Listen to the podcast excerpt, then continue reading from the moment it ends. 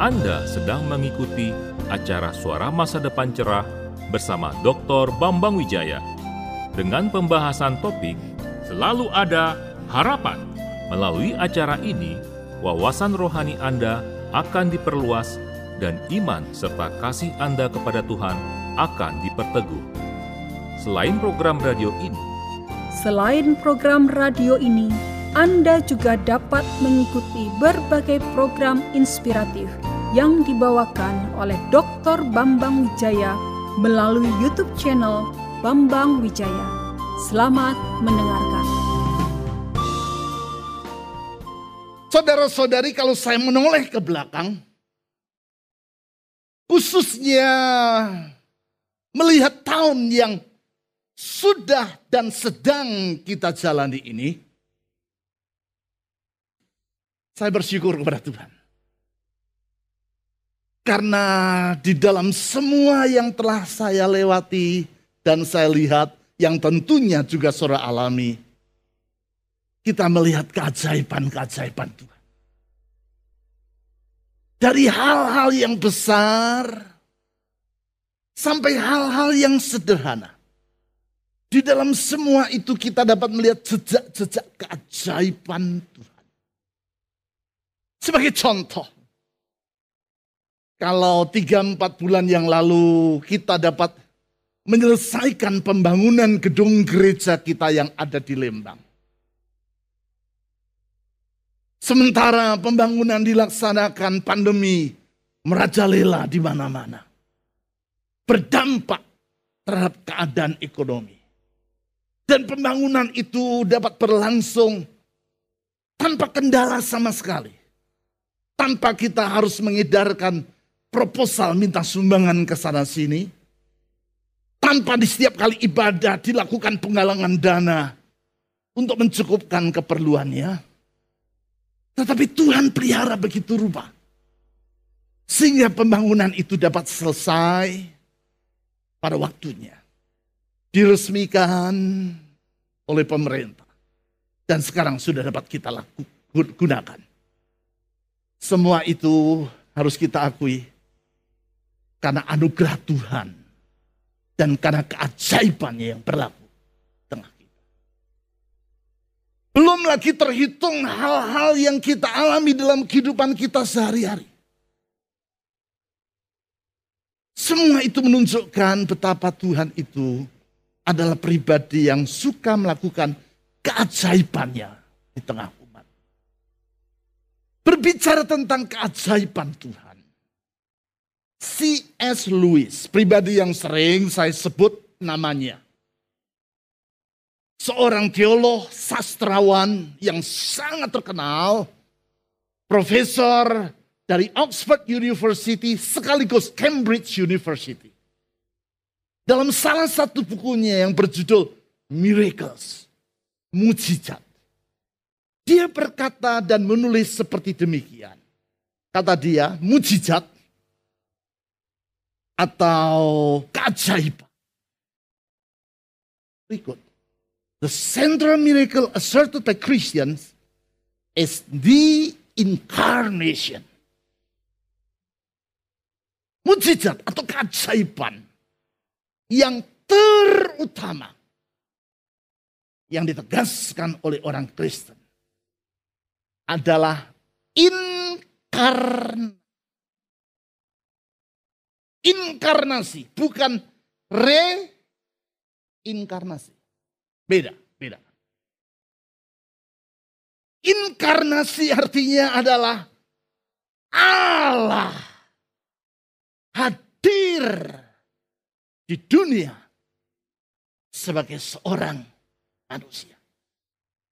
Itu arti inkarnasi. Allah hadir di dunia sebagai seorang manusia. Dan apa yang dikatakan C.S. Lewis ini dalam hemat saya adalah sangat tepat. Bahwa itu merupakan keajaiban atau mujizat yang terutama. Terbesar. Melampaui segala keajaiban dan mujizat yang pernah terjadi dan dialami oleh manusia di sepanjang sejarah. Lebih daripada segala keajaiban dan mujizat yang terjadi sejak alam semesta ini diciptakan. Yaitu kalau Allah itu bersedia hadir di tengah umat manusia. Melalui peristiwa yang disebut sebagai Natal. Yang kita rayakan pada hari ini. Mengapa ini merupakan suatu keajaiban? Saudara-saudari dalam suratnya kepada jemaat di Galatia. Rasul Paulus menulis dan mengutarakan hal itu seperti demikian. Galatia pasal 4 ayat 4 dan 5. Galatia pasal 4 ayat 4 dan 5. Tetapi setelah genap waktunya. Maka Allah mengutus anaknya. Siapakah yang dimaksudkan ini? Kurang jelas siapakah yang dimaksudkan ini? Lebih tegas siapakah yang dimaksudkan ini? Yesus Kristus. Yang lahir dari seorang perempuan. Maksudnya yaitu Maria. Yang takluk kepada hukum Taurat. Artinya seorang yang berlatar belakang Yahudi? Iya, itu Yesus. Diutus untuk menebus mereka yang takluk kepada hukum Taurat. Siapakah yang memaksudkan dengan mereka ini? Semua kita. Supaya supaya kita diterima menjadi Saudara-saudari, di dalam ayat-ayat yang baru saja saya bacakan ini, Rasul Paulus memaparkan secara ringkas, secara singkat, secara tepat, secara akurat, dan secara indah. Peristiwa Natal secara singkat. Karena hanya dalam dua kalimat saja. Dia memaparkan latar belakang, tujuan, dan peristiwa Natal itu. Secara sangat akurat. Karena semua peristiwa yang penting dan inti dari peristiwa Natal dia paparkan secara rangkum hanya di dalam dua ayat saja. Secara sangat indah. Karena di dalam dua ayat yang baru saja kita baca. Antara yang kita dapat melihat keajaiban dari Natal itu. Mengapa ini merupakan keajaiban? Di situ kita melihat setidaknya ada tiga hal luar biasa yang melampaui kemampuan akal kita untuk mencernanya. Keajaiban di dalam Natal. Keajaiban apakah yang saya maksudkan?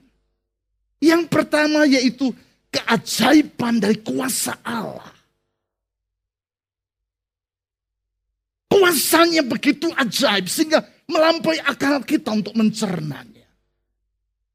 Kuasanya itu begitu tidak terbatas. Sehingga melampaui kesanggupan kita untuk memahaminya. Itulah yang dipaparkan di ayat 4. Dari Galatia pasal 4 yang baru saja kita baca. Saya akan baca ulang supaya jelas apa yang saya maksudkan. Dikatakan di situ, maka Allah mengutus anaknya yang lahir dari seorang perempuan dan takluk kepada hukum Taurat. Kalau Allah yang maha besar hadir di tengah dunia, lahir sebagai seorang manusia, sulit bagi manusia untuk mencernanya dengan akal. Kalau dia yang maha besar, dapat lahir di dunia melalui seorang melalui rahim seorang perempuan notabene perempuan itu belum menikah, belum bersuami. Itu menunjukkan mujizat atau keajaiban yang sulit dicerna dengan akal. Coba bayangkan, coba bayangkan. Ketika orang mendapati Maria mengandung. Dan kandungannya semakin nampak jelas. Pasti orang tuanya bertanya kan?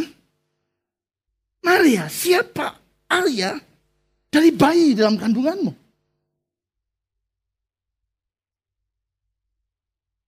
Pasti tunangannya yaitu Yusuf bertanya. Maria, siapa ayah dari bayi yang kau kandung? Dan coba bayangkan kalau Maria menjawabnya. Bayi ini tidak berayah. Dia adalah Tuhan. Yang hadir dalam kandunganku. Dapatkah orang tuanya mempercayainya? Dapatkah saudara-saudari, kakak, adik dari Maria kalau dia punya kakak dan adik mempercayainya? Mungkinkah Yusuf langsung percaya dan berkata, haleluya, begitu? Tidak mungkin.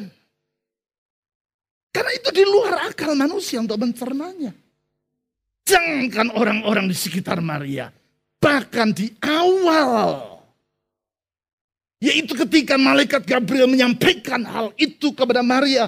Marianya sendiri pun tidak percaya. Dia tidak dapat mengertinya. Sehingga di dalam Lukas pasal 1 ayat 34 dicatat. Dia berkata, bagaimana hal itu mungkin terjadi? Karena aku belum bersuami. Marianya sendiri pun tidak dapat mencernanya dengan akal. Dan karena itu menanggapi keraguan, ketidakpercayaan dari Maria. Dalam Lukas pasal 1 ayat 35 dan 37, malaikat Gabriel menjawab seperti demikian. Saya baca ayat itu. Jawab malaikat itu, Gabriel, kepadanya, kepada Maria. Roh Kudus akan turun atasmu. Dan kuasa Allah yang maha tinggi akan menaungi engkau. Saya ulang, dan apa? Kuasa Allah yang maha tinggi akan menaungi engkau. Sebab itu anak yang akan kau lahirkan itu akan disebut kudus anak Allah. Ayat 37. Sebab bagi Allah tidak ada yang mustahil. Maria kata malaikat. Kuasa Allah akan menangis engkau. Dan kalau kuasa Allah menangis engkau, tidak ada yang mustahil. Karena kuasa Allah itu tidak terbatas. Karena kuasanya itu ajaib. Bagi Allah yang kuasanya tidak terbatas. Tidak ada hal yang mustahil. Kalau saudara percaya akan hal itu. Kalau saudara percaya bagi bahwa bagi Allah tidak ada yang mustahil. Saudara yang sedang mengikuti uraian firman Tuhan di secara online di mana pun saudara ada maupun saudara yang ada dalam ruangan dan di luar sana.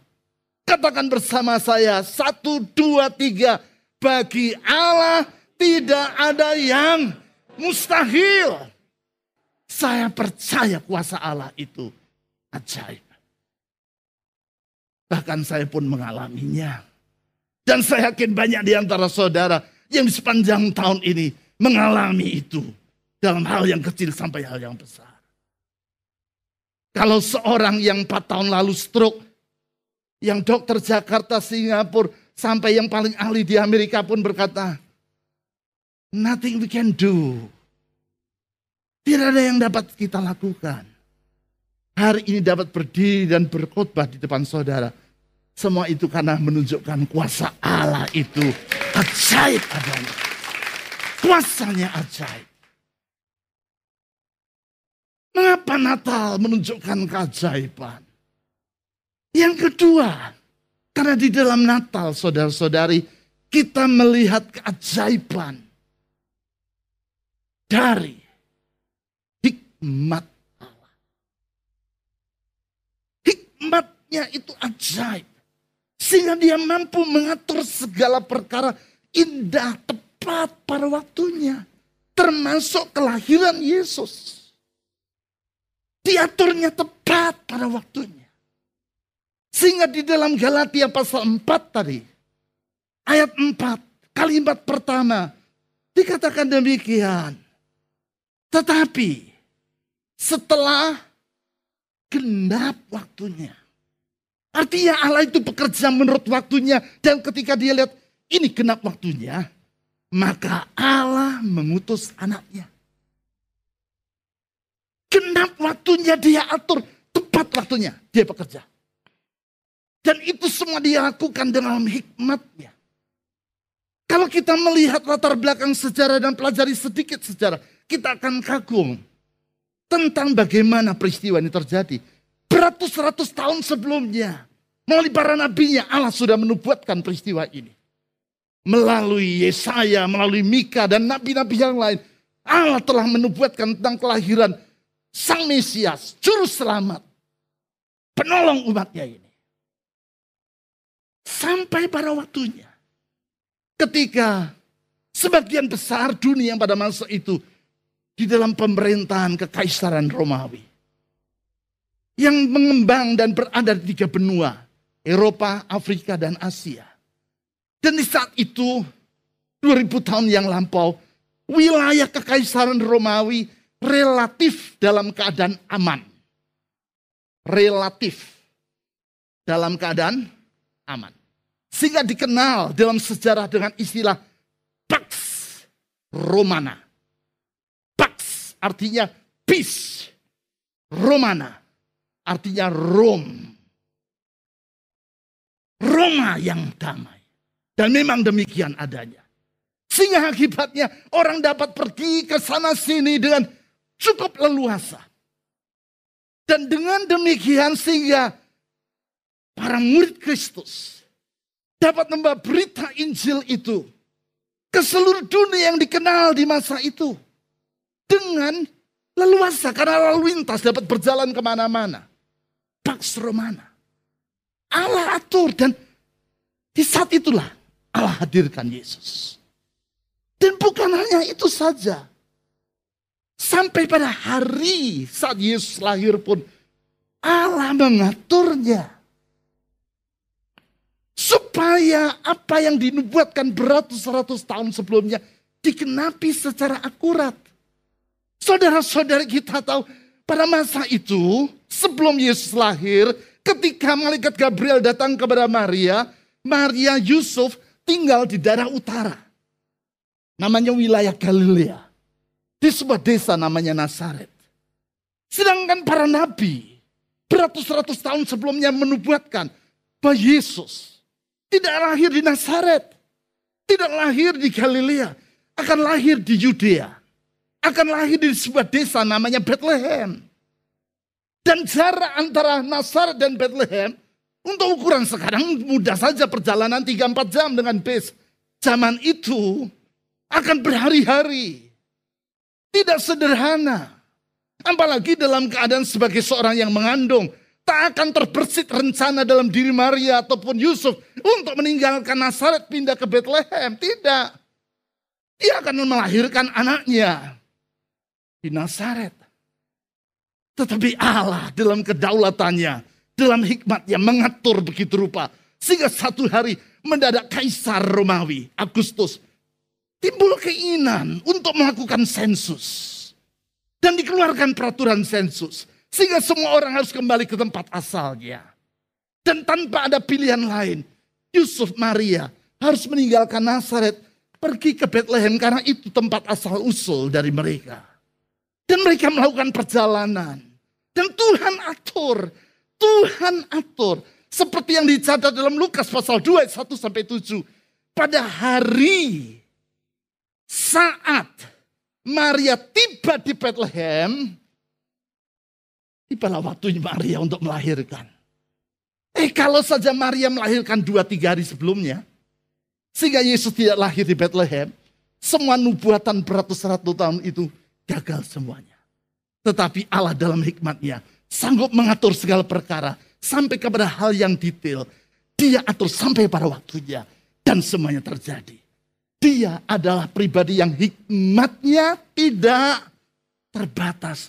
Ajaib hikmat Allah. Dan kalau hidup kita ada dalam genggaman tangan Tuhan dan dia mengaturnya dengan kuasa yang tak terbatas dan hikmat yang tak terbatas, kita tidak khawatir akan hari esok. Kalau saya punya waktu, saya akan kasih kesaksian demi kesaksian. Bagaimana Allah itu mengatur selalu tepat pada waktunya. Kesaksian sangat pendek saja. Pak David, Pak Yongki, teman-teman yang lain tentu tahu. Beberapa tahun yang lalu kita hampir saja mengontrak satu gedung yang besar. Harga sudah cocok. Gambar sudah dibuat. Rencana sudah dilaksanakan. Tinggal deal sana sudah oke, ini sudah oke. Tinggal deal aja. Mendadak. Mendadak. Pemilik gedung katakan, sorry dibatalin. Uh, ada yang sewa yang lain. Padahal semua sudah deal. Tinggal kontrak. Sekian miliar. Mungkin saat itu ya terus terang kita aduh kenapa begini. Tanpa kita ketahui. Dua bulan kemudian pandemi terjadi. Dua tahun gedung itu mangkrak. Kalau saja kita hari itu ya tanda tangan sekian miliar kita hilang. Itu baru sewanya, belum pasang AC-nya kan Pak Haji kita sudah rencana semua. Pasang LED berapa miliar. Tuhan kalau atur tepat pada waktunya. Karena hikmatnya tidak terbatas. Hikmat Tuhan itu tidak terbatas. Ajaib hikmatnya. Kuasanya ajaib. Hikmatnya ajaib. Dalam peristiwa Natal yang ketiga, kita melihat anugerahnya itu ajaib. Anugerah Tuhan itu ajaib itu yang dipaparkan di ayat 5 di Galatia pasal 4 tadi. Dikatakan demikian, Galatia 4 ayat 5. Iya. Siapa iya? Yesus. Iya. Siapakah dia? Yesus. Diutus untuk menebus mereka yang takluk kepada hukum Taurat. Supaya kita. Supaya kita. Supaya saudara dan saya Di mana pun saat ini saudara ada, baik dalam ruangan ini, di luar di sana, maupun di tempat di mana saudara mengikuti yang secara online. Kita diterima menjadi anak. Ini merupakan anugerah Allah yang ajaib. Anugerah kebaikan Allah yang melampaui batas akal kita untuk mencernanya yang sesungguhnya kita tidak layak untuk mengalaminya. Sering saya bercerita, sangat sering saya bercerita. Kalau ada seorang pegawai, malesnya luar biasa. Datang selalu terlambat, pulang selalu duluan. Di kantor ngaco, tidak kerja, main saja. Mengganggu orang lain yang kerja. Dan bukan hanya itu. Dia menggunakan uang perusahaan untuk kepentingan pribadinya. Satu hari si pemilik perusahaan panggil dia. Dan berkata, walaupun saya tahu kamu ngaco, saya tidak berhentikan kamu, malah saya naikkan gaji kamu. Saudara kalau itu terjadi, semua kita pun geleng kepala tidak akan terjadi hal seperti itu. Tidak masuk di akal. Tapi kalau terjadi itu namanya ajaib. Itu ajaib dan itu yang kita alami bukan? Bukankah itu yang kita alami? Kalau Tuhan bersedia menebus kita dari kegelapan dosa, sebenarnya kita tidak pantas. Sama seperti pegawai itu, kalau dia masih dipekerjakan itu nggak pantas, apalagi dinaikin gaji. Jangan karena gaji, nggak dipecat aja udah untung-untungan. Lah ini kita juga.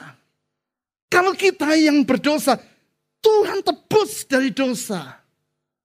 Ini sendiri sudah ajaib. Apalagi, apalagi diterimanya kita menjadi anaknya. Itulah anugerah Allah yang ajaib. Dan saya mau sampaikan saudara-saudari, keajaiban Natal ini bukan hanya dapat kita ingat, bukan hanya dapat kita peringati. Keajaiban Natal ini masih tetap dapat kita alami. Karena kuasanya tidak pernah berubah. Karena hikmatnya tetap untuk selama-lamanya. Dan anugerahnya turun-temurun. Dan kalau kita sadar akan hal ini. Kita dapat akhiri tahun ini tetap masa depan.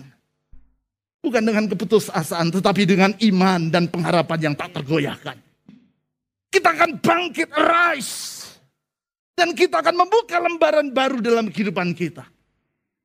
Kalau kita percaya, kuasa Allah itu sungguh ajaib. Hikmatnya ajaib sehingga diatur semuanya tepat pada waktunya. Dan kita percaya anugerahnya itu ajaib. Kalau kita pegang tiga hal. Satu, kuasa Allah ajaib. Dua, hikmatnya ajaib. Tiga, anugerahnya ajaib.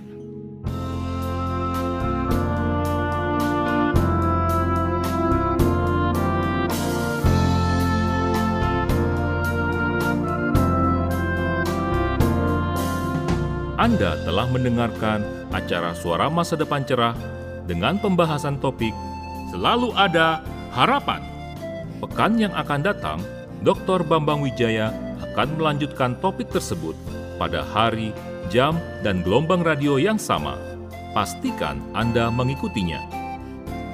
Selain program ini, Anda juga dapat mengikuti berbagai program inspiratif yang dibawakan oleh Dr. Bambang Wijaya melalui YouTube channel Bambang Wijaya.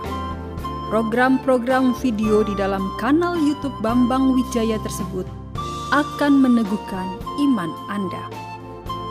Bila Anda ingin menghubungi Dr. Bambang Wijaya, silahkan Anda menghubunginya melalui WA ke nomor telepon 0811 309 077. Sampai berjumpa pada pekan yang akan datang. Tuhan memberkati.